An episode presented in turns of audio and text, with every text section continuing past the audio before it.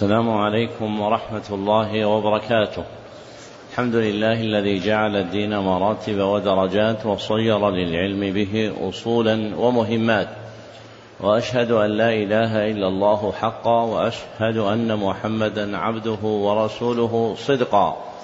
اللهم صل على محمد وعلى آل محمد كما صليت على إبراهيم وعلى آل إبراهيم إنك حميد مجيد.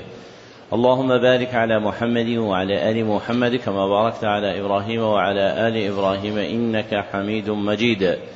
أما بعد فحدثني جماعة من الشيوخ وهو أول حديث سمعته منهم بإسناد كل إلى سفيان بن عيينة عن عمرو بن دينار عن أبي قابوس مولى عبد الله بن عمرو عن عبد الله بن عمرو بن العاص رضي الله عنهما أنه قال قال رسول الله صلى الله عليه وسلم الراحمون يرحمهم الرحمن ارحموا من في الأرض يرحمكم من في السماء. ومن آكد الرحمة رحمة, المتعلم رحمة المعلمين بالمتعلمين في تلقينهم أحكام الدين وترقيتهم في منازل اليقين. ومن طرائق رحمتهم إيقافهم على مهمات العلم بإقراء أصول المتون. وتبيين مقاصدها الكلية ومعانيها الإجمالية.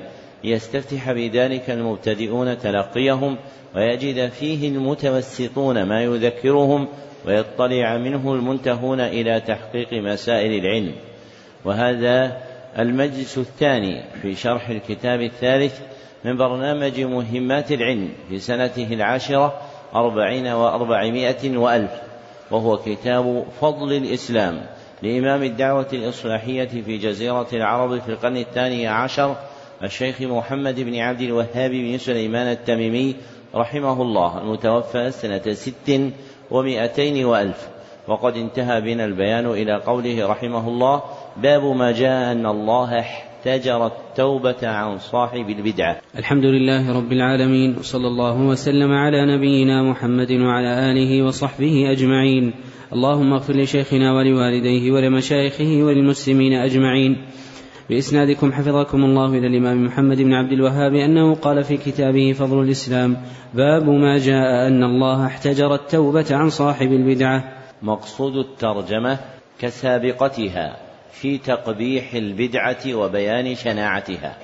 مقصود الترجمة كسابقتها في تقبيح البدعة وبيان شناعتها لكن من جهة أخرى تتعلق بفاعلها لكن من جهة أخرى تتعلق بفاعلها وهو أن الله يحتجر التوبة عن صاحب البدعة وهو أن الله يحتجر التوبة عن صاحب البدعة أي يمنع صدورها منه فلا يكاد يوفق إليها أي يمنع صدورها منه فلا يكاد يوفق إليها لأن من أشرب قلبه البدعة لم ينزع عنها إلا قليلا لأن من أشرب قلبه البدعة لم ينزع عنها إلا قليلا. ولا, يرى ولا يراد بالاحتجار أن الله لا يتوب عليه إذا تاب. ولا, يرى ولا يراد بالاحتجار أن الله لا يتوب عليه إذا تاب. فإن الله يتوب على الكافر وهو أعظم سوءا من صاحب البدعة فإن الله يتوب على الكافر وهو أعظم سوءا من صاحب البدعة وإنما المراد هنا عدم توفيقه إليها. وإنما المراد هنا عدم توفيقه إليها. نعم.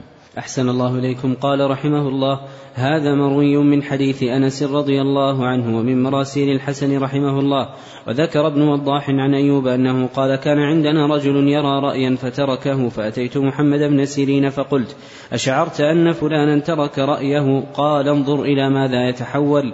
إن آخر الحديث أشد عليهم من أوله يمرقون من الإسلام ثم لا يعودون إليه. وسئل أحمد بن حنبل رحمه الله تعالى عن معنى ذلك فقال لا يوفق للتوبة.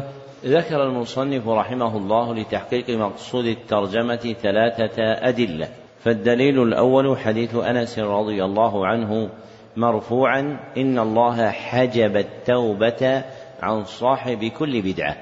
إن الله حجب التوبة عن صاحب كل بدعة. رواه إسحاق بن راهويه في مسنده. والطبراني في المعجم الكبير وإسناده لا يصح. وروي الحديث بلفظ حجب وحجر وحجز. وروي الحديث بلفظ حجر وحجب وحجز. وهي متقاربة المعنى فالمراد منها المنع. وهي متقاربة المعنى فالمراد منها المنع. ودلالته على مقصود الترجمة ظاهرة لما بينهما من المطابقة ودلالته على مقصود الترجمة ظاهرة لما بينهما من المطابقة فلفظ الحديث بالمعنى المترجم به. والدليل الثاني حديث الحسن البصري مرسلا. حديث الحسن البصري مرسلا. رواه ابن وضاح في البدع والنهي عنها. والحديث المرسل هو ما رفعه التابعي ما أضافه التابعي إلى النبي صلى الله عليه وسلم. ما أضافه التابعي إلى النبي صلى الله عليه وسلم. والتابعي من رأى الصحابي مؤمنا ومات على ذلك. والتابعي من رأى الصحابي مؤمنا ومات على ذلك. والمرسل من أنواع الحديث الضعيف. والمرسل من أنواع الحديث الضعيف. والمرسل المذكور عن الحسن هو أحسن ما يروى في هذا الباب. والمرسل المذكور عن الحسن هو أحسن ما يروى في هذا الباب باللفظ الذي ترجم به المصنف. باللفظ الذي ترجم به المصنف. والدليل الثالث حديث يمرقون من الإسلام كما يمرق السهم من الرمي. يمرقون من الإسلام كما يمرق السهم من الرمية. متفق عليه من حديث أبي سعيد الخدري. متفق عليه من حديث أبي سعيد الخدري. وزاد البخاري ثم لا يعودون إليه. وزاد البخاري ثم لا يعودون إليه. والقصة التي ذكرها المصنف رواها ابن وضاح في كتاب البدع والنهي عنها بإسناد حسن والقصة التي ذكرها المصنف رواها ابن وضاح في كتاب البدع والنهي عنها وإسنادها حسن. والحديث المذكور فيها مرسل والحديث المذكور فيها مرسل. وأصله المسند حديث أبي سعيد الخدري المتقدم أنه في الصحيحين وأصله المسند حديث أبي سعيد المتقدم المذكور أنه في الصحيحين واختار المصنف ذكر هذا الدليل مسوقا في القصة لما فيها من بيان معناه واختار المصنف ذكر هذا الدليل مسوقا في القصة لما فيها من بيان معناه. ودلالته على مقصود الترجمة في قوله ثم لا يعودون إليه أي لا يتوبون عن بدعته. ودلالته على مقصود الترجمة في قوله ثم لا يعودون إليه أي لا يتوبون عن بدعتهم.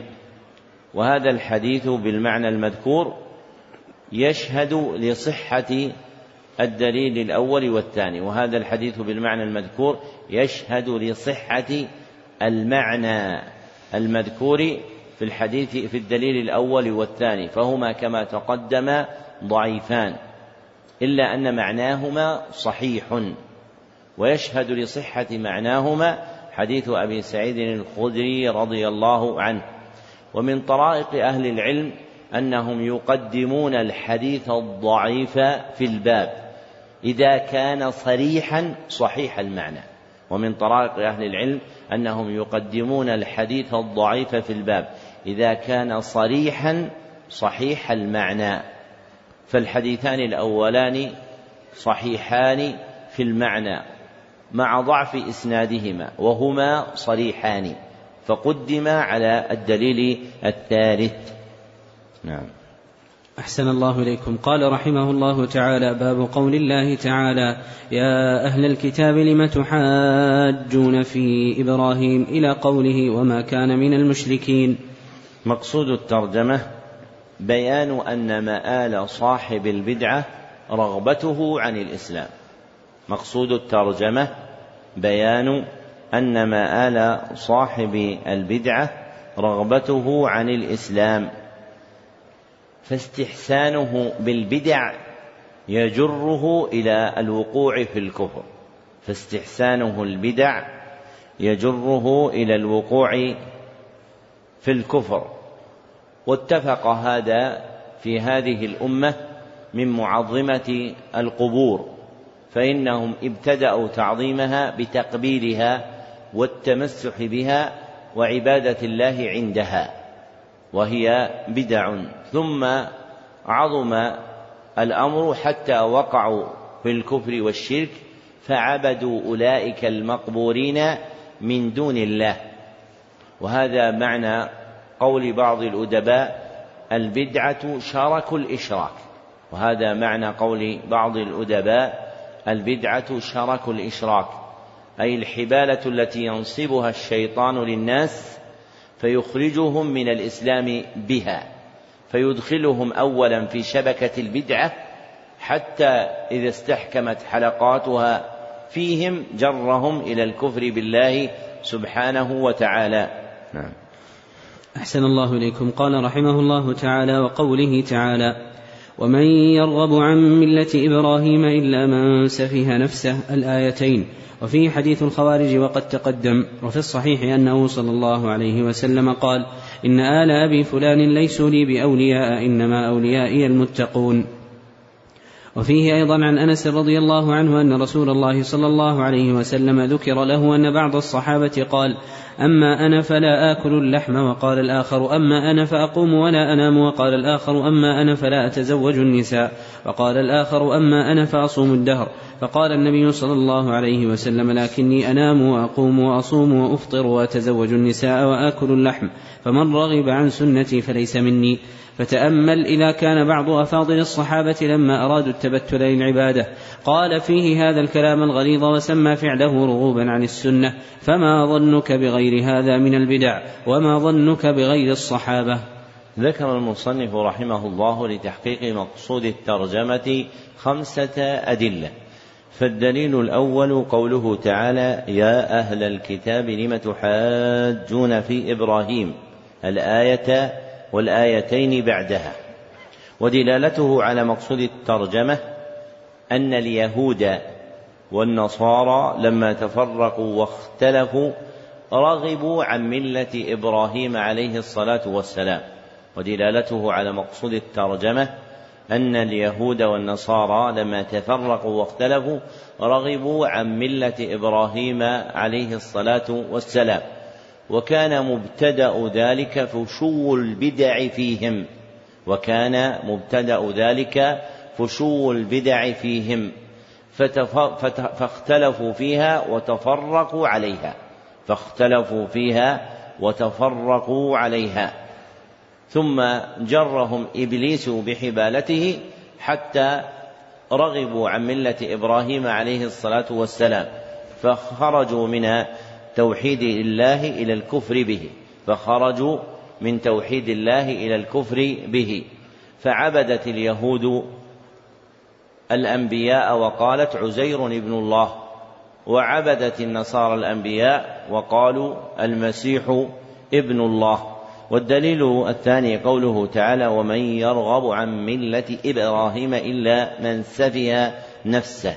الآية ودلالته على مقصود الترجمة في قوله إلا من سفه نفسه. في قوله إلا من سفه نفسه. فالراغبون عن ملة إبراهيم لهم حظ من السفه. فالراغبون عن ملة إبراهيم لهم حظ من السفه. وحقيقة ملة إبراهيم الإقبال على الله. وحقيقة ملة إبراهيم الإقبال على الله بعبادته بما شرع بعبادته بما شرع. والوقوع في البدع من الرغبة عنها والوقوع في البدع من الرغبة عنها. فمن وقع في البدع كان له حظ عظيم من السفه فمن وقع من ال... فمن وقع في البدع فله حظ عظيم من السفه ويخشى أن يعظم سفهه حتى يترك ملة إبراهيم ويخشى أن يعظم سفهه حتى يترك ملة إبراهيم. كما اتفق لليهود والنصارى لما تفرقوا واختلفوا بفشو البدع فيهم ثم تركوا ملة إبراهيم ورغبوا عن التوحيد إلى الكفر. والدليل الثالث حديث الخوارج المتقدم وهو حديث يمرقون من الإسلام كما يمرق السهم من الرمية وهو في الصحيحين من حديث أبي سعيد الخدري رضي الله عنه ومروق السهم خروجه ومروق السهم خروجه والرمية الصيد الذي يرمى بالنبل والرمية الصيد الذي يرمى بالنبل فمن الصيد من إذا أصابه سهم نبل به ضربه مع جنب ثم خرج مع الجنب الآخر. ودلالته على مقصود الترجمة في مروقهم وعدم رجوعهم إلى الإسلام. ودلالته على مقصود الترجمة في مروق الخوارج في مروق الخوارج وعدم رجوعهم إلى الإسلام. لرغبتهم عنه بالبدعة لرغبتهم عنه إلى البدعة لرغبتهم عنه إلى البدعة. والحديث المذكور من أعظم الأحاديث في ذم الخوارج وأهل العلم متفقون على أنهم مارقون من الإسلام الذي جاء به النبي صلى الله عليه وسلم ثم اختلفوا في حقيقة مروقهم على قولين ثم اختلفوا في حقيقة مروقهم على قولين. أحدهما أنه مروق من الإسلام إلى الفسق أنه مروق من الإسلام إلى الفسق فهم فساق ببدعتهم فهم فساق ببدعتهم. والآخر أنه مروقهم من الإسلام إلى الكفر أنه مروقهم من الإسلام إلى الكفر فهم كفار ببدعتهم فهم كفار ببدعتهم فهم على القول الأول مبتدعة وهم على القول الثاني كفار فهم على القول الأول مبتدعة وعلى القول الثاني كفار وهم على القولين معا خارجون عن الإسلام الذي جاء به النبي صلى الله عليه وسلم. وهم على القولين معا خارجون عن الإسلام الذي جاء به النبي صلى الله عليه وسلم. وأصح القولين أنهم مبتدعة غير كفار. أصح القولين أنهم مبتدعة غير كفار لإجماع الصحابة على عدم كفرهم. لإجماع الصحابة على عدم كفرهم. نقله ابن تيمية الحفيد في منهاج السنة النبوية. نقله ابن تيمية الحفيد في منهاج السنة النبوية. والدليل الرابع حديث أنه صلى الله عليه وسلم قال إن آل أبي فلان ليسوا لي بأولياء. الحديث. وهو بهذا اللفظ لا يوجد بل هو مؤلف من حديثين وهو بهذا اللفظ لا يوجد بل هو مؤلف من حديثين. أحدهما حديث عمرو بن العاص رضي الله عنه أن النبي صلى الله عليه وسلم قال ألا إن آل أبي فلان ليسوا لي بأولياء؟ ألا إن آل أبي فلان ليسوا لي بأولياء؟ إنما ولي الله وصالح المؤمنين. إنما ولي الله وصالح المؤمنين متفق عليه. والحديث الآخر حديث معاذ بن جبل رضي الله عنه أن النبي صلى الله عليه وسلم قال إن أولى الناس بي المتقون حيث كانوا ومن كانوا. إن أولى الناس بي المتقون حيث كانوا ومن كانوا. رواه أحمد وإسناده حسن. رواه أحمد وإسناده حسن. ثم دخل أحد الحديثين في الآخر واشتهر في كلام المتأخرين باللفظ المذكور ثم دخل أحد اللفظين في الآخر واشتهر الحديث باللفظ المذكور والمعروف فيه مرويا أنه مركب من الحديثين المتقدمين وهذا يقع في لسان جماعة من المتأخرين يهيمون في شيء من المرويات فيدخلون حديثا في حديث فيقع اللفظ مركب من حديثين ودلالته على مقصود الترجمة أن من أحدث في الإسلام ولو كان من قرابة رسول الله صلى الله عليه وسلم فقد برئ الرسول صلى الله عليه وسلم منه.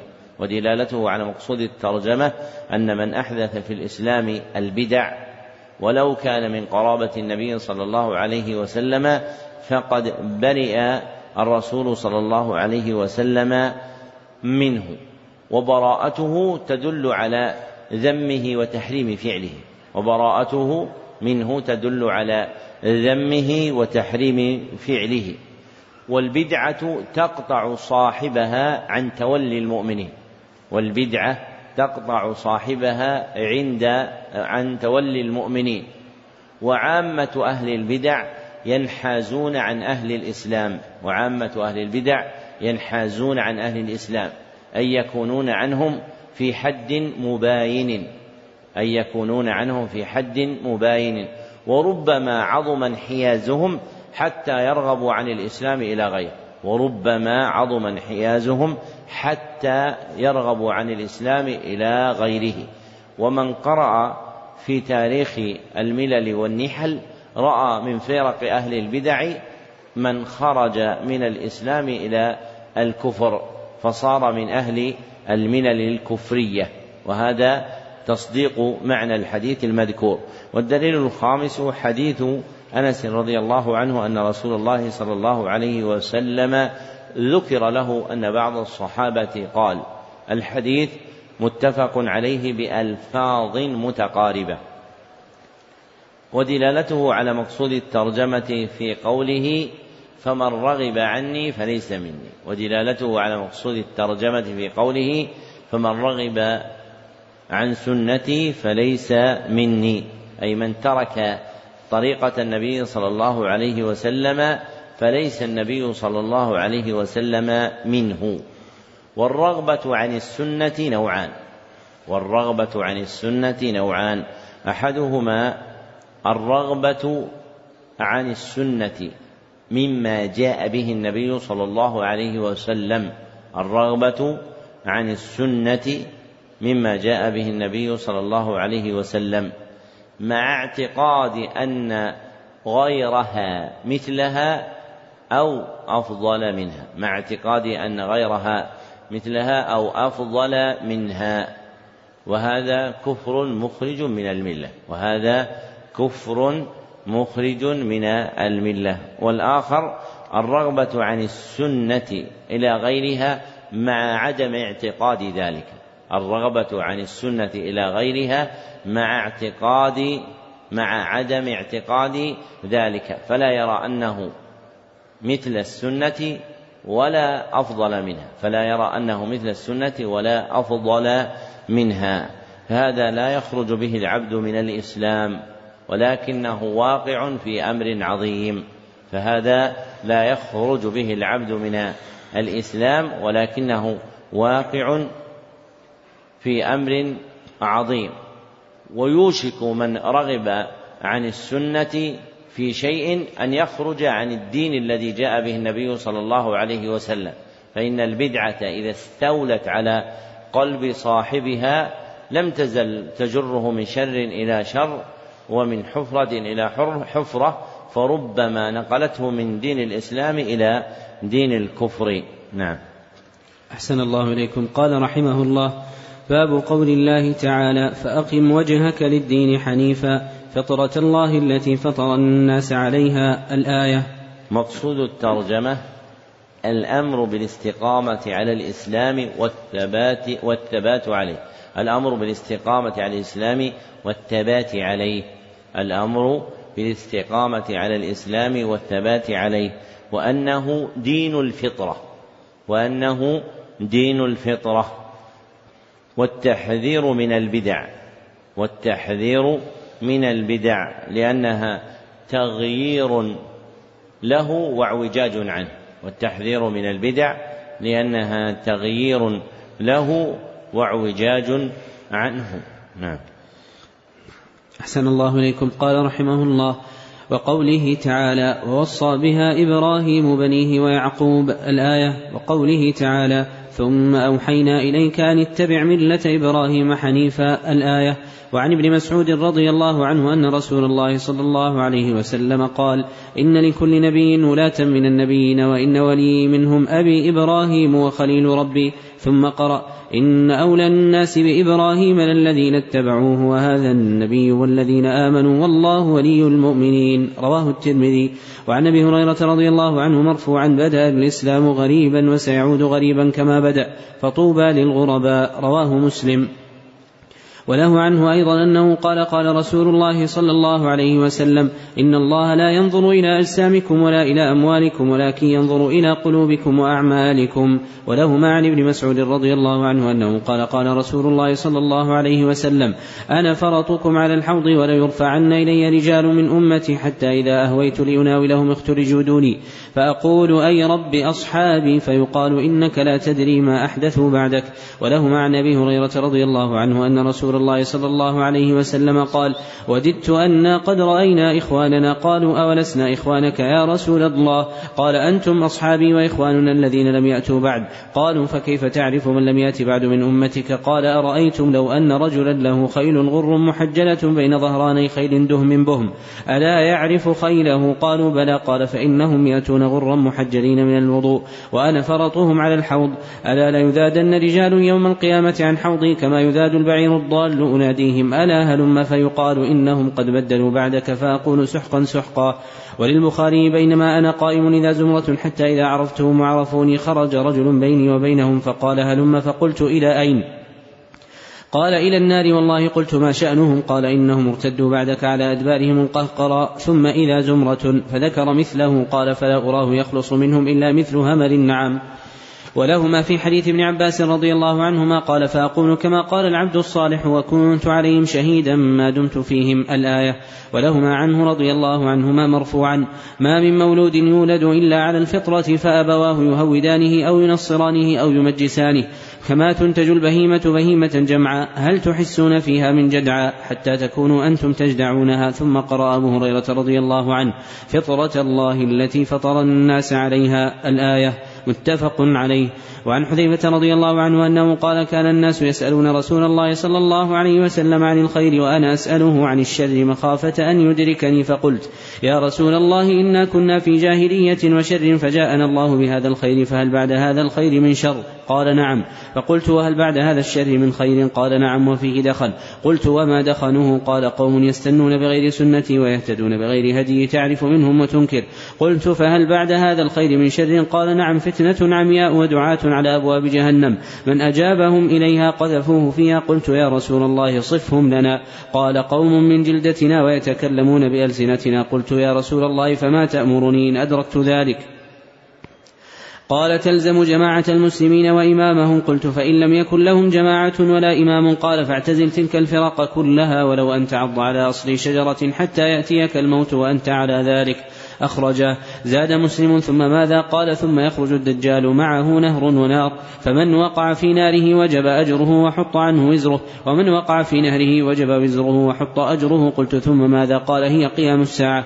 وقال أبو العالية تعلموا الإسلام فإذا تعلمتموه فلا ترغبوا عنه وعليكم بالصراط المستقيم فإنه الإسلام ولا تنحرفوا عن الصراط شمالا ولا يمينا وعليكم بسنة نبيكم صلى الله عليه وسلم وإياكم وهذه الأهواء. تأمل كلام أبي العالية هذا ما أجله. واعرف زمانه الذي يحذر فيه من الأهواء التي من اتبعها فقد رغب عن الإسلام وتفسير الإسلام بالسنة. وخوفه على أعلام التابعين وعلمائهم من الخروج عن الإسلام والسنة. يتبين لك معنى قوله تعالى إذ قال له ربه أسلم وقوله تعالى ووصى بها إبراهيم بنيه ويعقوب وقوله تعالى ومن يرغب عن ملة إبراهيم إلا من سفه نفسه. وأشباه هذه الأصول الكبار التي هي أصل الأصول والناس عنها في غفلة.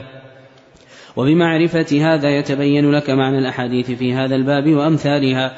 وأما الإنسان الذي يقرأها وأشباهها وهو آمن مطمئن أنها لا تناله ويظنها في ناس كانوا فبانوا آمنا مكر الله فلا يأمن مكر الله إلا القوم الخاسرون. وعن ابن مسعود رضي الله عنه أنه قال خط لنا رسول الله صلى الله عليه وسلم خطا ثم قال هذا سبيل الله ثم خط خطوطا عن يمينه وعن شماله ثم قال هذه سبل على كل سبيل منها شيطان يدعو إليه وقرأ وأن هذا صراطي مستقيما فاتبعوه ولا تتبعوا السبل فتفرق بكم عن سبيله. رواه الإمام أحمد والنسائي. ذكر المصنف رحمه الله لتحقيق مقصود الترجمة أربعة عشر دليلا.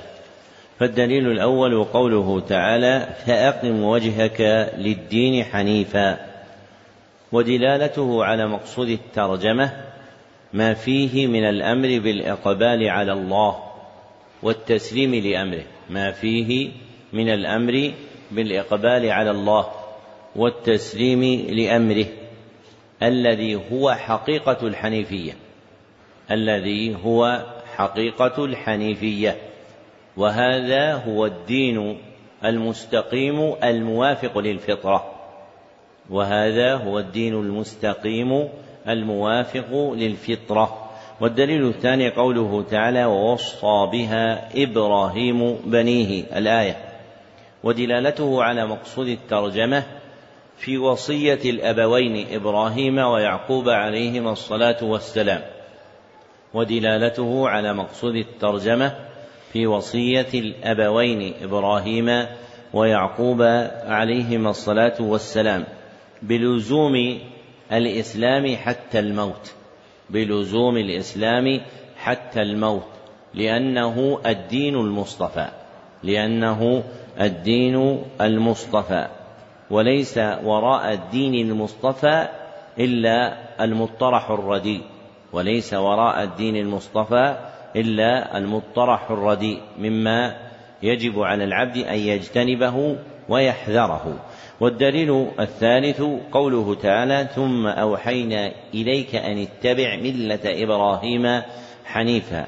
الآية ودلالته على مقصود الترجمة في قوله أن اتبع ملة إبراهيم حنيفا ودلالته على مقصود الترجمة في قوله أن اتبع ملة إبراهيم حنيفا على ما تقدم بيانه من الأمر بالإقبال على الله الذي هو مضمن الحنيفية على ما تقدم من بيان الأمر بالإقبال على الله الذي هو مضمن الحنيفية فيقبل العبد على الله ويسلم بأمره ويدين بالدين الذي بعث به إليه نبينا محمدا صلى الله عليه وسلم ولا يخرج عن شيء مما جاء به إلى غيره.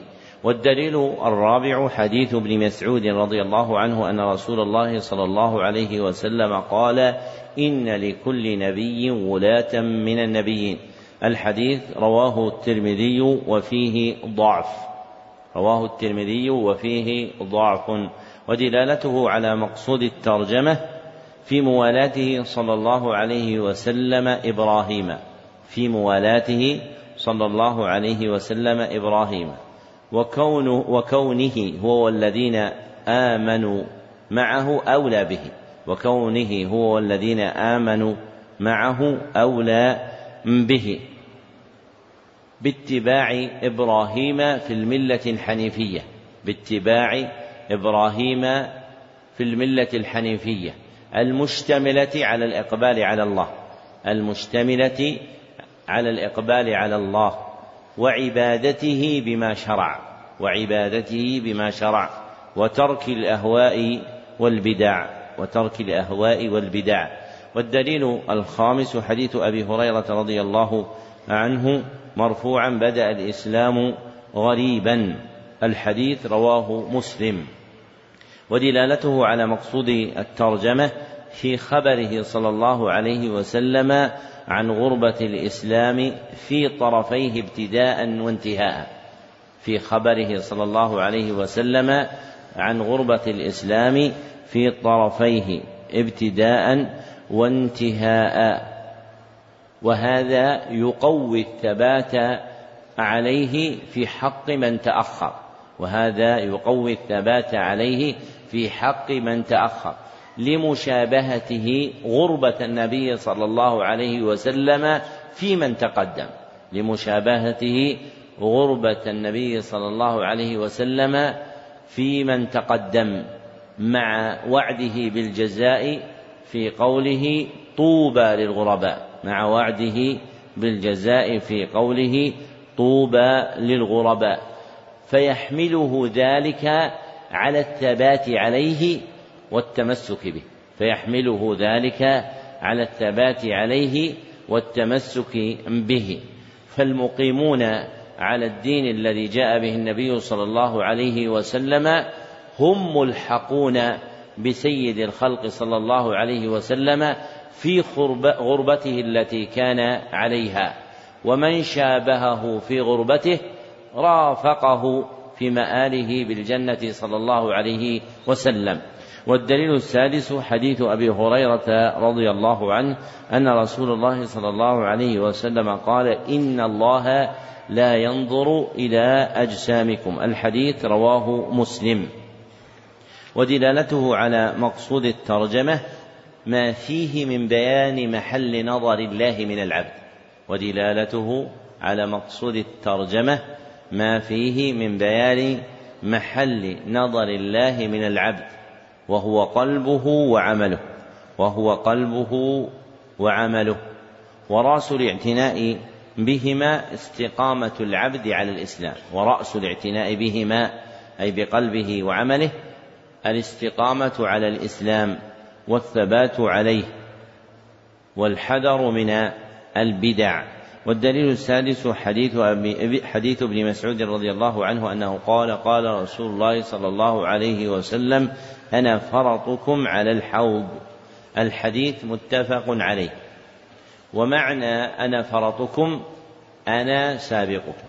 ومعنى أنا فرطكم أنا سابقكم. فيتقدم النبي صلى الله عليه وسلم أمته عند الحوض. ومعنى اختلجوا دوني أي اقتطعوا مني. ومعنى اختلجوا دوني. اقتطعوا مني. وانتزعوا عني. وانتزعوا عني. فمنع بينهم وبين النبي صلى الله عليه وسلم. فمنع بينهم وبين النبي صلى الله عليه وسلم. ودلالته على مقصود الترجمة في بيان سوء عاقبة الإحداث والميل عن الصراط المستقيم. ودلالته على مقصود الترجمة في بيان سوء عاقبة الإحداث والميل عن الصراط المستقيم وأنها تؤول بصاحبها إلى براءة النبي صلى الله عليه وسلم منه وحرمانه الورود على الحوض وأنها تؤول بصاحبها إلى براءة النبي صلى الله عليه وسلم منه وحرمانه الورود على الحوض. والحديث في قوم كانوا مع النبي صلى الله عليه وسلم فوقع منهم الإحداث والتبديل بعده. والحديث في قوم كانوا مع النبي صلى الله عليه وسلم فوقع منهم الإحداث والتبديل بعده. فلما غيروا منعوا من الورود على الحوض. وكذلك كل من غير في الإسلام بالبدع فإنه يمنع الورود على الحوض. والدليل الثامن حديث أبي هريرة رضي الله عنه أن رسول الله صلى الله عليه وسلم قال وددت أن قد رأينا إخواننا. الحديث متفق عليه واللفظ لمسلم. الحديث متفق عليه واللفظ لمسلم. وسياق البخاري مختصر. ودلالته على مقصود الترجمة من وجهين. أحدهما في فضيلة الاستقامة على الإسلام في فضيلة الاستقامة على الإسلام واستحقاق أخوة النبي صلى الله عليه وسلم بها واستحقاق أخوة النبي صلى الله عليه وسلم بها. فمن فاتته صحبة النبي صلى الله عليه وسلم واستقام بعده على دينه صار من إخوانه. فمن فاتته صحبة النبي صلى الله عليه وسلم واستقام بعده على دينه صار من إخوانه. والآخر سوء عاقبة الإحداث سوء عاقبة الإحداث بالمنع عن الحوض بالمنع عن الحوض. وقوله في الحديث سحقا سحقا فيه زيادة ذم هؤلاء بدعاء النبي صلى الله عليه وسلم عليهم. وقوله في الحديث سحقا سحقا زيادة في ذم حال هؤلاء بدعاء النبي صلى الله عليه وسلم بالهلاك والبوار بالهلاك والبوار. والدليل التاسع حديث بينما أنا قائم إذا زمرة. الحديث أخرجه البخاري من حديث أبي هريرة رضي الله عنه.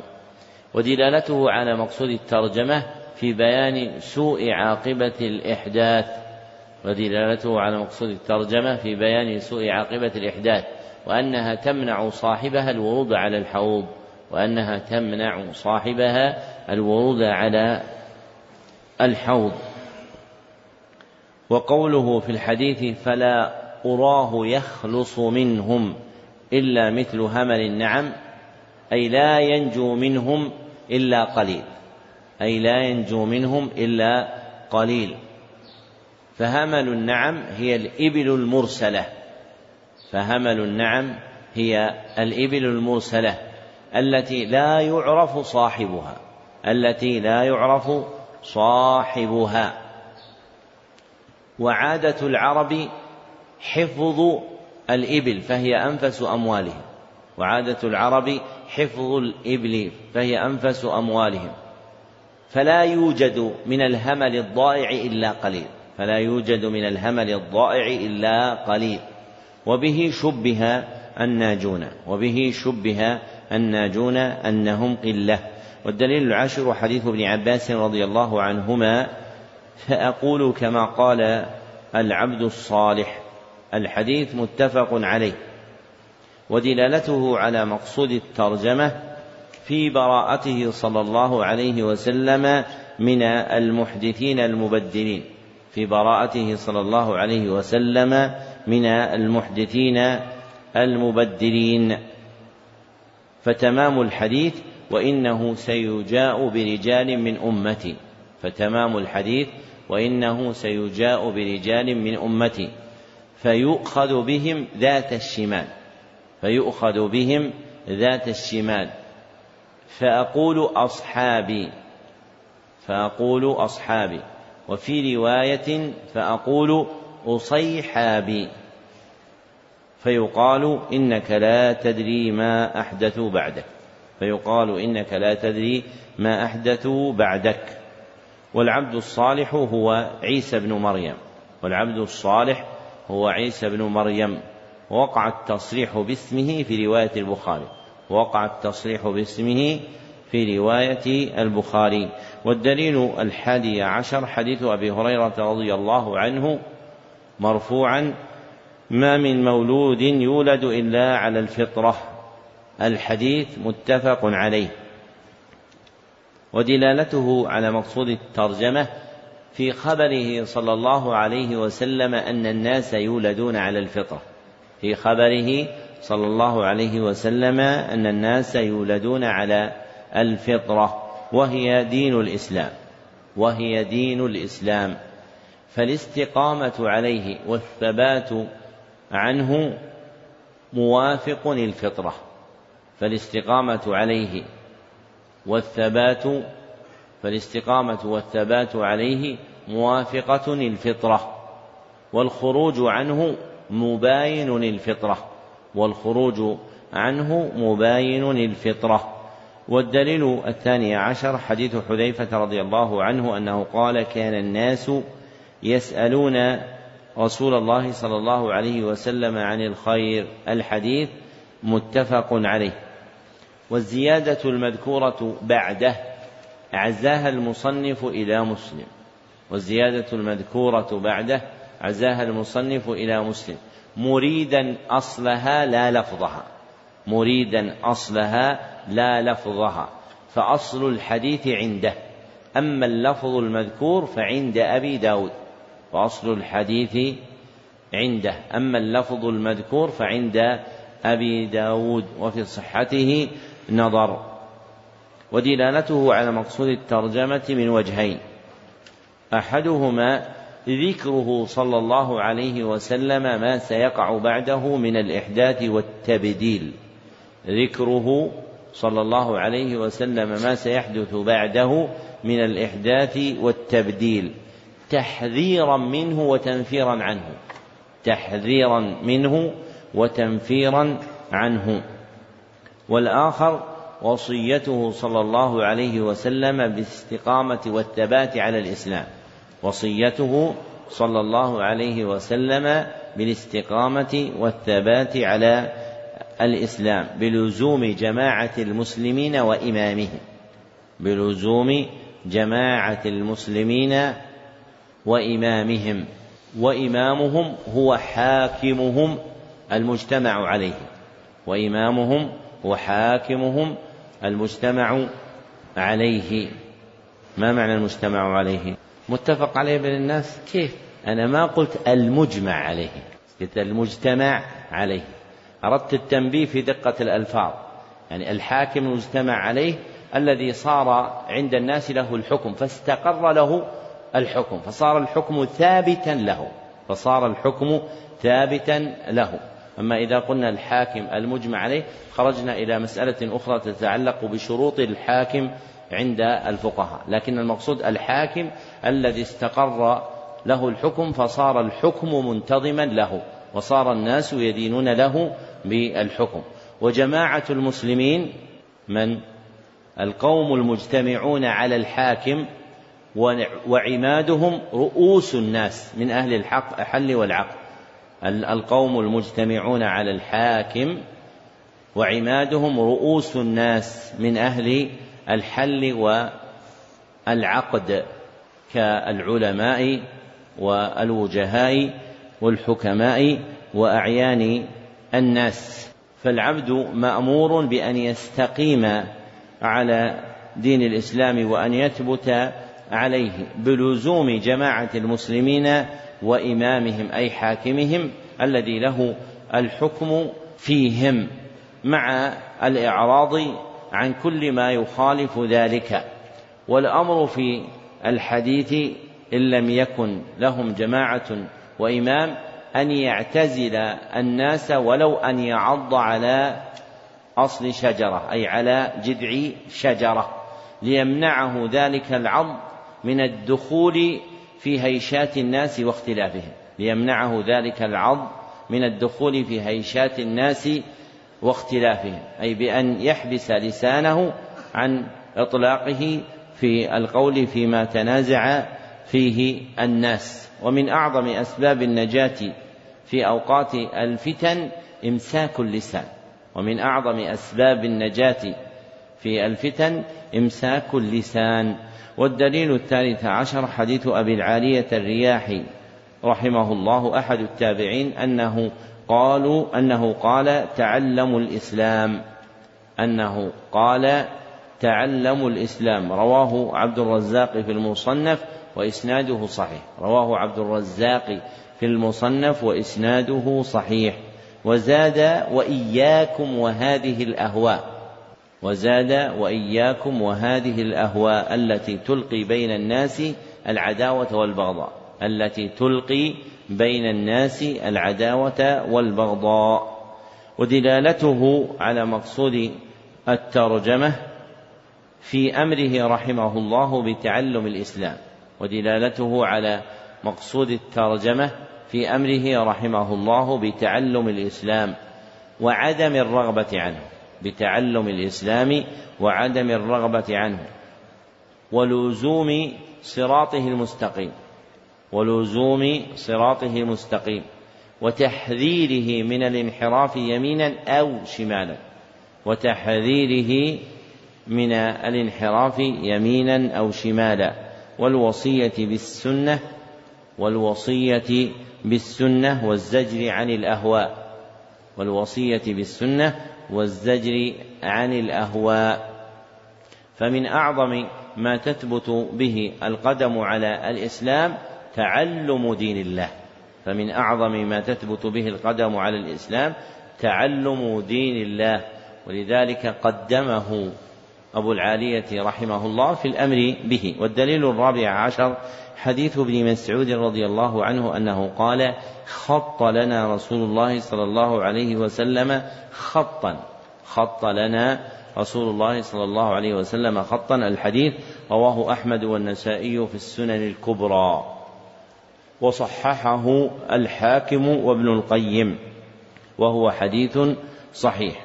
ودلالته على مقصود الترجمة في بيان أن سبيل الله هو صراطه المستقيم ودلالته على مقصود الترجمة في بيان أن سبيل الله هو صراط هو صراطه المستقيم وهو الإسلام وهو الإسلام. فما خرج عنه من فما خرج عنه يمينا أو شمالا فهو من السبل. فما خرج عنه يمينا أو شمالا فهو من السبل المنهي عن سلوكها المنهي عن سلوكها. وكل سبيل عليه شيطان يدعو إليه وكل سبيل عليه شيطان يدعو إليه. وهؤلاء الشياطين نوعان وهؤلاء الشياطين نوعان. أحدهما شياطين جنية شياطين جنية والآخر شياطين إنسية. والآخر شياطين إنسية. وأصل اسم الشيطان للمتمرد من الخلق. وأصل اسم الشيطان للمتمرد من الخلق. فالمتمردون من شرار الخلق من الجن والناس هم شياطين منهم من يقف على تلك السبل ويدعو العبد إلى مخالفة سبيل الله سبحانه وتعالى. نعم. أحسن الله إليكم. قال رحمه الله تعالى باب ما جاء في غربة الإسلام وفضل الغرباء. مقصود الترجمة بيان وقوع غربة الإسلام وفضل الغرباء. بيان وقوع غربة الإسلام وفضل الغرباء. وتكون غربة الإسلام بقلة العاملين به. وانفرادهم عن غيرهم وتكون غربة الإسلام بقلة العاملين به وانفرادهم عن غيرهم. وغربة أهل الإسلام نوعان وغربة أهل الإسلام نوعان. أحدهما الغربة القدرية أحدهما الغربة القدرية وهي غربة المسلمين كافة بين الكافرين وهي غربة المسلمين كافة بين الكافرين. والآخر الغربة الشرعية. وهي غربة المسلم المتبع هدي النبي صلى الله عليه وسلم بين المسلمين. وهي غربة المسلم المتبع هدي النبي صلى الله عليه وسلم بين المسلمين. وهؤلاء هم المقصودون بالفضائل المأثورة والمناقب المذكورة للغرباء وهؤلاء هم المقصودون بالمناقب المأثورة والفضائل المذكورة للغرباء فالمستحقون المدح لغربتهم الموعودون بتلك الفضائل والمآثر الواردة في خطاب الشرع هم أهل الغربة الشرعية. أحسن الله إليكم. قال رحمه الله وقول الله تعالى فلولا كان من القرون من قبلكم أولو بقية ينهون عن الفساد في الأرض. الآية. وعن أبي هريرة رضي الله عنه مرفوعا بدأ الإسلام غريبا وسيعود غريبا كما بدأ فطوبى للغرباء. رواه مسلم. ورواه الإمام أحمد من حديث ابن مسعود رضي الله عنه وفيه قيل ومن الغرباء؟ قال النزاع من القبائل. وفي رواية الغرباء الذين يصلح الذين يصلحون إذا فسد الناس. ورواه الإمام أحمد من حديث سعد بن أبي وقاص رضي الله عنه وفيه فطوبى يومئذ للغرباء إذا فسد الناس. وللترمذي من حديث كثير بن عبد الله عن أبيه عن جده أنه قال طوبى للغرباء الذين يصلحون ما أفسد الناس من سنتي. وعن أبي أمية أنه قال سألت أبا ثعلبة الخشني فقلت يا أبا ثعلبة كيف تقول في هذه الآية يا أيها الذين آمنوا عليكم أنفسكم لا يضركم من ضل إذا اهتديتم؟ الآية قال أما والله لقد سألت عنها خبيرا سألت عنها رسول الله صلى الله عليه وسلم فقال بل ائتمروا بالمعروف وتناهوا عن المنكر حتى إذا رأيتم شحا مطاعا وهوى متبعا ودنيا مؤثرة وإعجاب كل ذي رأي برأيه فعليك بنفسك ودع عنك العوام فإن من ورائكم أيام الصبر القابض فيهن على دينه كالقابض على الجمر للعامل فيهن مثل أجر خمسين رجلا يعملون مثل عملكم قلنا منا أو منهم قال بل منكم. رواه أبو داود والترمذي. وروى ابن وضاح معناه من حيث ابن عمر رضي الله عنهما ولفظه. إن من بعدكم أيام الصابر فيها المتمسك بمثل ما أنتم عليه اليوم له أجر خمسين منكم. ثم قال أنبأنا محمد بن سعيد قال أنبأنا أسد قال أخبرنا سفيان بن عيينة عن أسلم البصري عن سعيد أخي الحسن يرفع أنه قال إنكم اليوم على بينة من ربكم تأمرون بالمعروف وتنهون عن المنكر وتجاهدون في سبيل الله ولم تظهر فيكم السكرتان سكرة الجهل وسكرة حب العيش. وستحولون عن ذلك فالمتمسك يومئذ بالكتاب والسنة له أجر خمسين. قيل منهم قال بل منكم. وله بإسناده عن المعافري أنه قال قال رسول الله صلى الله عليه وسلم طوبى للغرباء الذين يتمسكون بكتاب الله عز وجل حين يترك ويعملون بالسنة حين تطفأ. ذكر المصنف رحمه الله لتحقيق مقصود الترجمة تسعة أدلة فالدليل الأول قوله تعالى فلولا كان من القرون من قبلكم أولو بقية ينهون عن الفساد. الآية ودلالته على مقصود الترجمة في قوله في تمامها إلا قليلا ممن أنجينا منهم. ودلالته على مقصود الترجمة في قوله في تمامها إلا قليلا ممن أنجينا منهم. فالناجي قليل والقليل يكون غريبا. فالناجي قليل والقليل يكون غريبا. فمن فضل الغرباء أنهم هم الناجون. فمن فضل الغرباء أنهم هم الناجون. واقتفى المصنف في إيراد هذه الآية في الباب من قبله وهو الهروي صاحب منازل السائرين فإنه صدر منزلة الغربة بهذه الآية. وأفاض ابن القيم في بيان ذلك في كتابه مدارج السالكين في شرح منازل السائرين. والدليل الثاني حديث أبي هريرة رضي الله عنه مرفوعا بدأ الإسلام غريبا. الحديث رواه مسلم. ودلالته على مقصود الترجمة الظاهرة. ففيه الخبر الصادق عن غربة أهل الإسلام. وفيه بيان فضلهم وفيه بيان فضلهم في قوله طوبى للغرباء. في قوله طوبى للغرباء. وطوبى فعلى من الطيب. وطوبى فعلى من الطيب. فلهم كل طيب في الدنيا والآخرة. فلهم كل طيب في الدنيا والآخرة. فهم الفائزون بالحياة الطيبة في الدارين.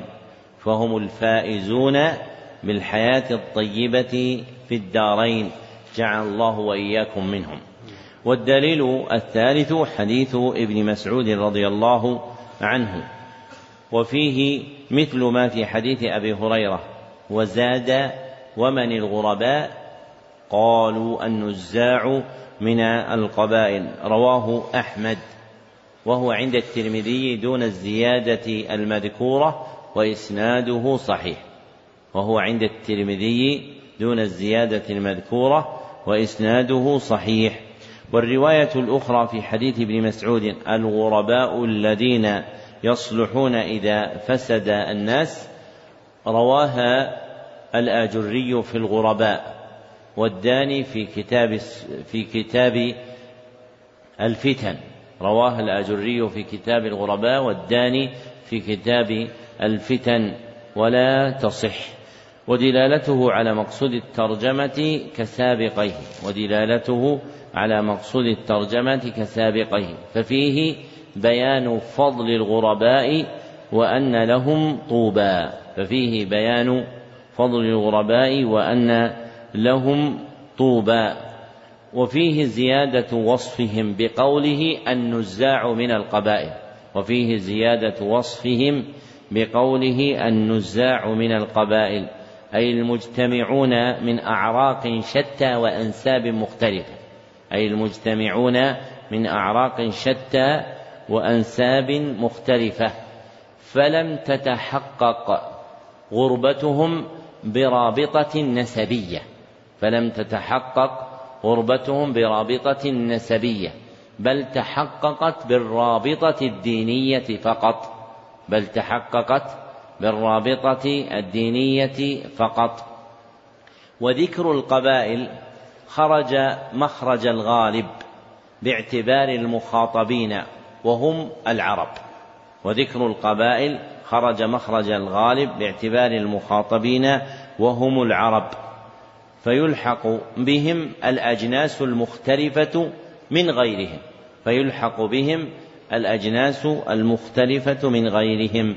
والدليل الرابع حديث سعد بن أبي وقاص رضي الله عنه وفيه فطوبى يومئذ للغرباء إذا فسد الناس. رواه الإمام أحمد ورجاله ثقات. رواه الإمام أحمد ورجاله ثقات.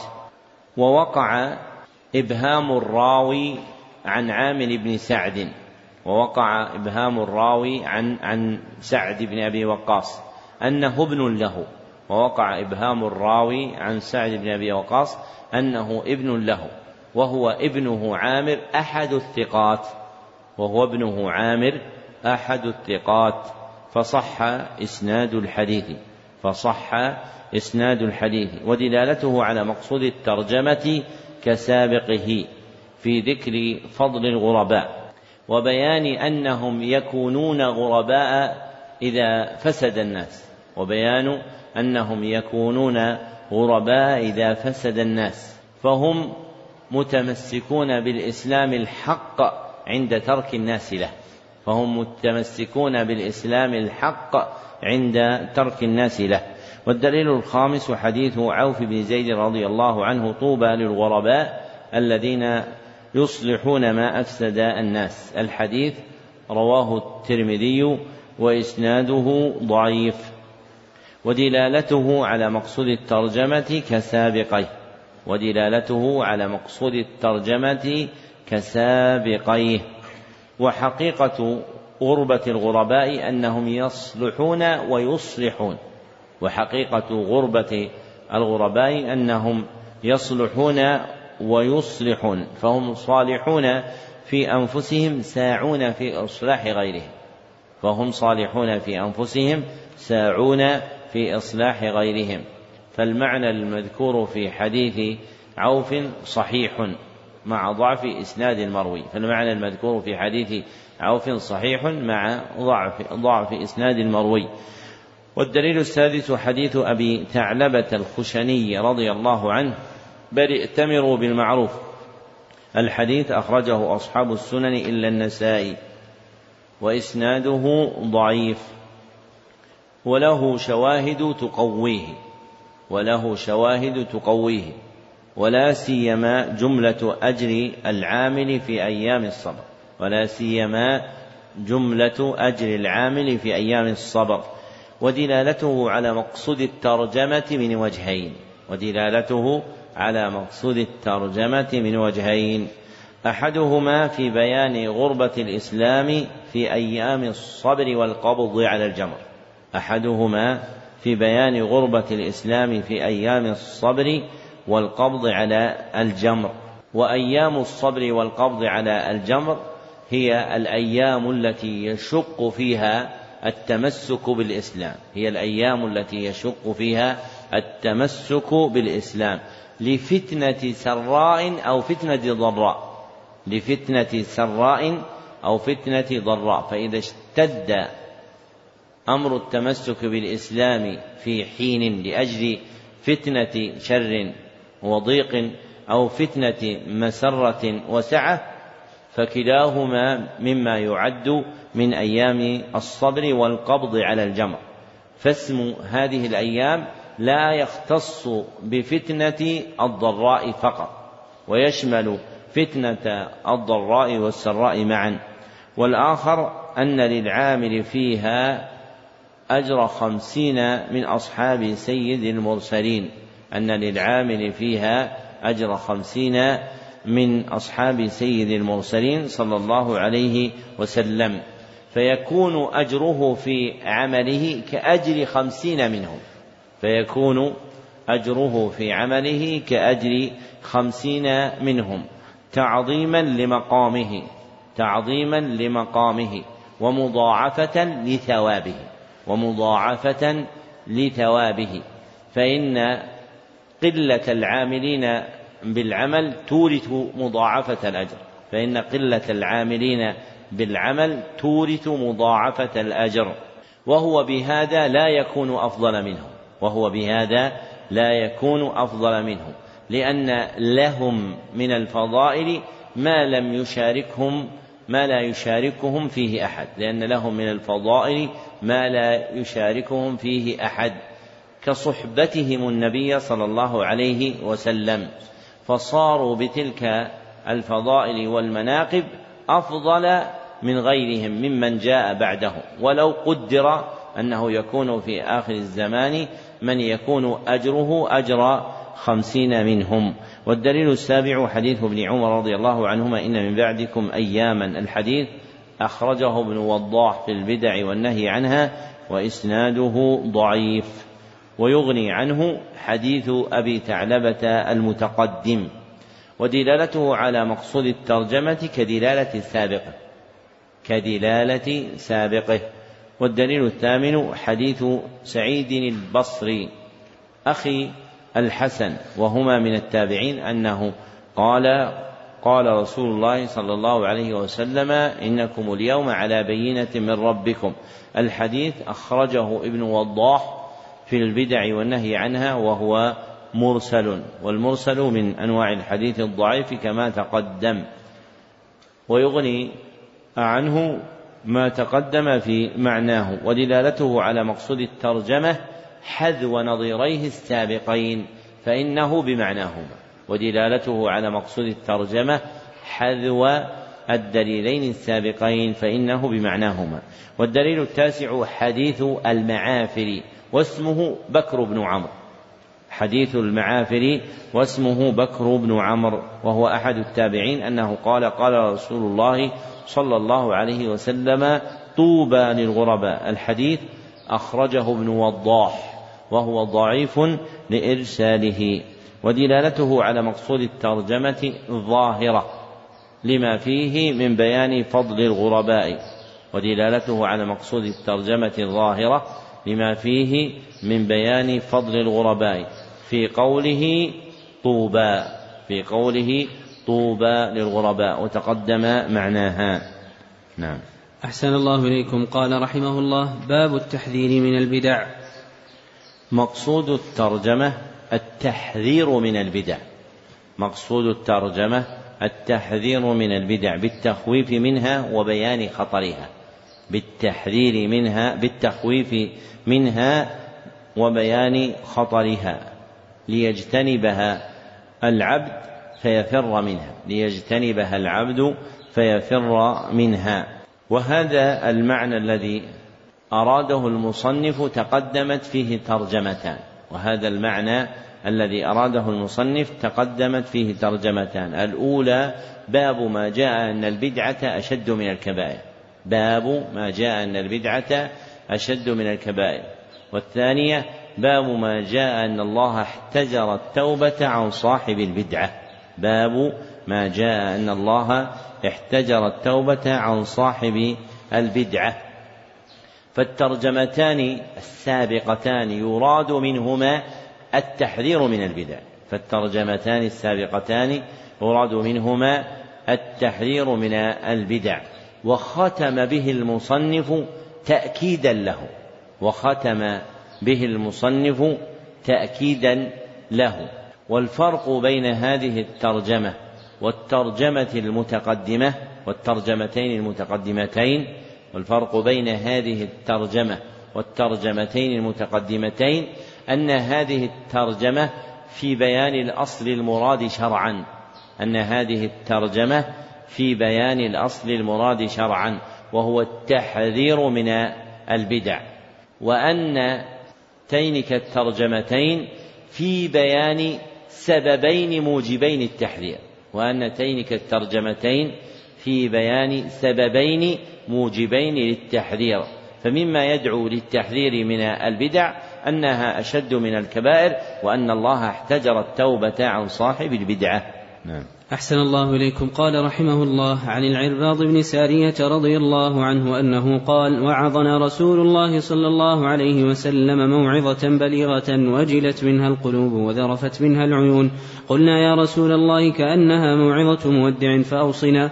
قال أوصيكم بتقوى الله عز وجل والسمع والطاعة وإن تأمر عليكم عبد فإنه من يعش منكم فسيرى اختلافا كثيرا. فعليكم بسنتي وسنة الخلفاء الراشدين المهديين من بعدي تمسكوا بها وعضوا عليها بالنواجذ وإياكم ومحدثات الأمور فإن كل محدثة بدعة وكل بدعة ضلالة. قال الترمذي حديث حسن صحيح. وعن حذيفة رضي الله عنه أنه قال كل عبادة لا يتعبدها أصحاب رسول الله صلى الله عليه وسلم فلا تتعبدوها. فإن الأول لم يدع للآخر مقالا فاتقوا الله يا معشر القراء وخذوا طريق من كان قبلكم رواه أبو داود. وقال الدارمي وأخبرنا الحكم بن المبارك قال أنبأنا عمرو بن يحيى قال سمعت أبي يحدث عن أبيه أنه قال كنا نجلس على باب عبد الله بن مسعود رضي الله عنه قبل صلاة الغداء فإذا خرج مشينا معه إلى المسجد فجاءنا أبو موسى الأشعري رضي الله عنه فقال أخرج عليكم أبو عبد الرحمن بعد.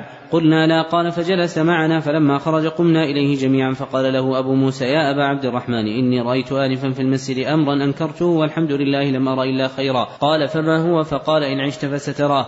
قال رأيت في المسجد قوما حلقا جلوسا ينتظرون الصلاة في كل حلقة رجل وفي أيديهم حصى. فيقول كبروا مئة فيكبرون مئة فيقول هللوا مئة فيهللون مئة فيقول سبحوا مئة فيسبحون مئة. قال فماذا قلت لهم؟ قال ما قلت لهم شيئا انتظار رأيك. قال أفلا أمرتهم أن يعدوا سيئاتهم وضمنت لهم ألا يفوت من حسناتهم شيء. ثم مضى ومضينا معه حتى أتى حلقة من تلك لماذا لم يقل لهم شيئا وانتظر راية ابن مسعود؟ ها؟ المقصود أنه تركه حفظا لمقام ابن مسعود في كونه مقبولا معظما عند أهل الكوفة. فمقام ابن مسعود في العلم والدين عند أهل الكوفة أعظم من مقام من؟ أبي موسى الأشعري رضي الله عنه. فإذا تكلم في بيان البدع عالم كامل أغنى كلامه عن غيره. فإذا تكلم في البدع عالم كامل أغنى كلامه عن غيره. نعم. أحسن الله إليكم. قال فماذا قلت لهم؟ قال ما قلت لهم شيئا انتظار رأيك.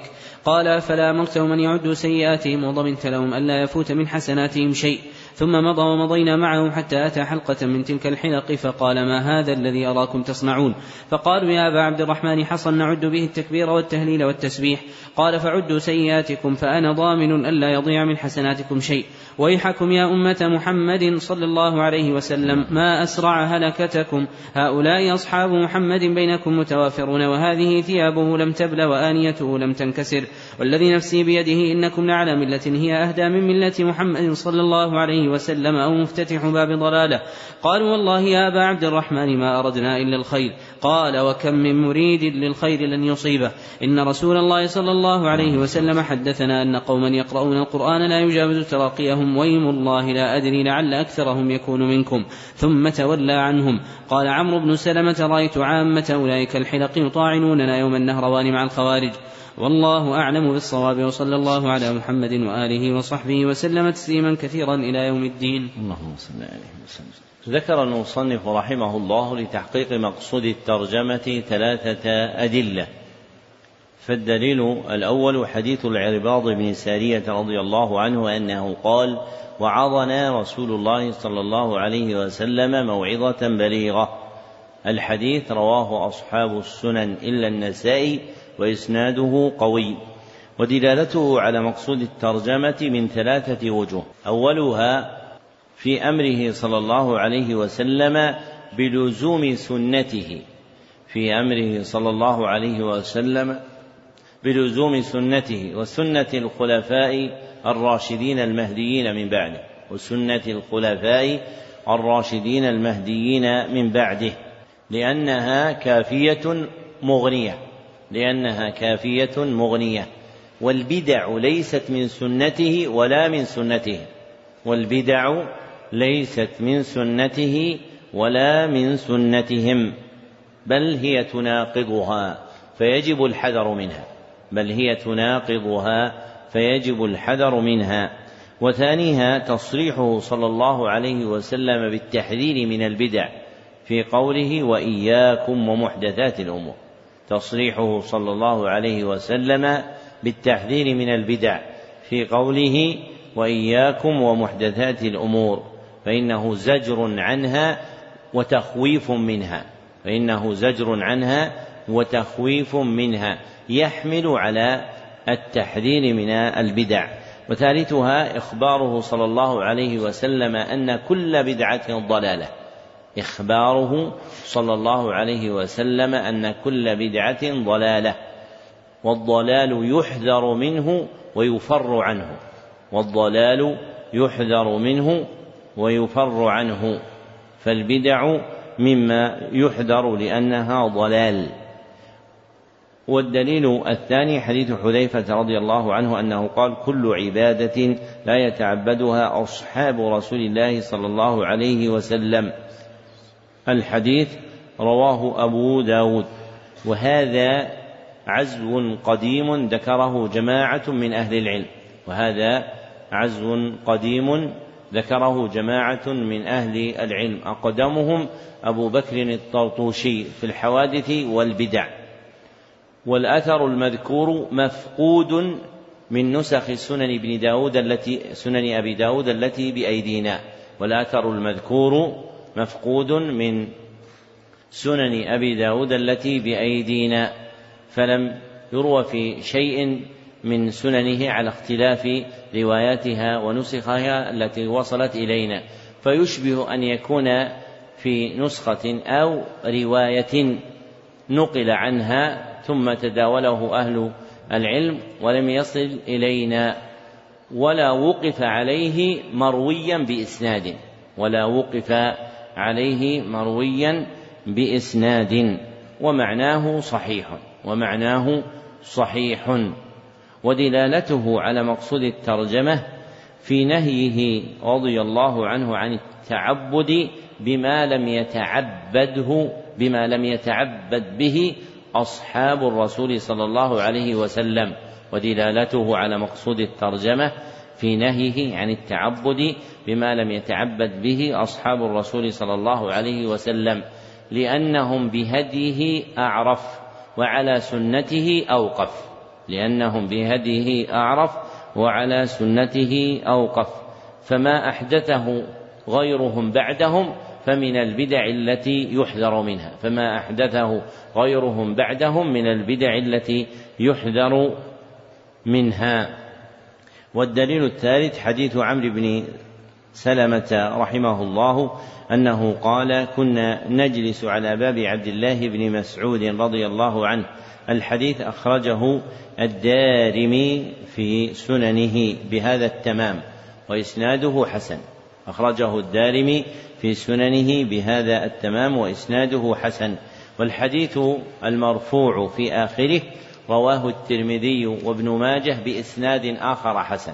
والحديث المرفوع في آخره رواه الترمذي وابن ماجه بإسناد آخر حسن. فيكون الحديث المرفوع في القصة حديثا صحيحا بطريقيه. فيكون الحديث المذكور في القصة حديثا صحيحا بطريقيه. ودلالته على مقصود الترجمة من وجهين. ودلالته على مقصود الترجمة من وجهين. أحدهما في إنكاره رضي الله عنه عليهم. في إنكاره رضي الله عنه عليهم. وتغليظه القول لهم. وتغليظه القول لهم حتى قال إنكم لعلى ملة هي أهدى من ملة محمد صلى الله عليه وسلم أو مفتتح باب ضلالة ذما لهم وتحذيرا من طريقتهم ذما لهم وتحذيرا من طريقتهم وما أحدثوه من البدعة وما أحدثوه من البدعة والآخر تفرسه رضي الله عنهم فيه فيهم فراسة إيمانية. تفرسه رضي الله عنهم عنه فيهم فراسة إيمانية. بالإخبار عن مآلهم. بالإخبار عن مآلهم. وأن الأهواء ستتشعب بهم. وأن الأهواء ستتشعب بهم. حتى يحملوا السيف على المسلمين. حتى يحملوا السيف على المسلمين. فوقع ما أخبر به ابن مسعود في كون هؤلاء مع الخوارج الذين قاتلوا الصحابة في معركة النهروان. فآلت بهم بدعتهم إلى الانحياز عن جماعة المسلمين. ثم خرجوا عليهم بالسيف وقاتلوا المسلمين. وفيه التحذير العظيم من البدع وأنها تبدأ أولا صغيرة ثم تتزايد حتى تعظم ويقع صاحبها في أمر عظيم. ومن عرف هذا عرف قدر التحذير من البدع وأن حاجة الناس إليه شديدة لأن سريان البدع فيهم يجرهم إلى أعظم مما هم عليه حتى يقع بينهم القتال ويخرج منهم من يخرج من الإسلام إلى الكفر وهذا آخر البيان على هذا الكتاب بما يناسب المقام. اكتب طبقة السماع. سمع علي جميعا لمن سمع الجميع ومن عليه فوت يكتب كثير حتى يقرأ. سمع علي جميعا فضل الإسلام بقراءة غيره صاحبنا ويكتب اسمه تاما والاسم التام أقله الرباعي الاسم التام أقله الرباعي. فتم له ذلك في مجلسين بالميعاد المثبت في محله من نسخته وأجزت له روايته عني إجازة خاصة من معين لمعين في معين بإسناد المذكور في منح المكرمات لإجازة طلاب المهمات والحمد لله رب العالمين صحيح ذلك.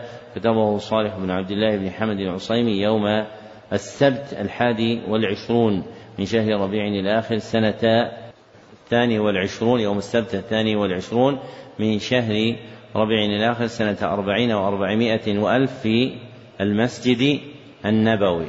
ذلك بعض الإخوان يقول ليش اللي برا ما لهم إجازة؟ قلت لأنهم ليسوا في المسجد النبوي. هم برا ليسوا معنا في المسجد النبوي. في المسجد النبوي بمدينة الرسول صلى الله عليه وسلم.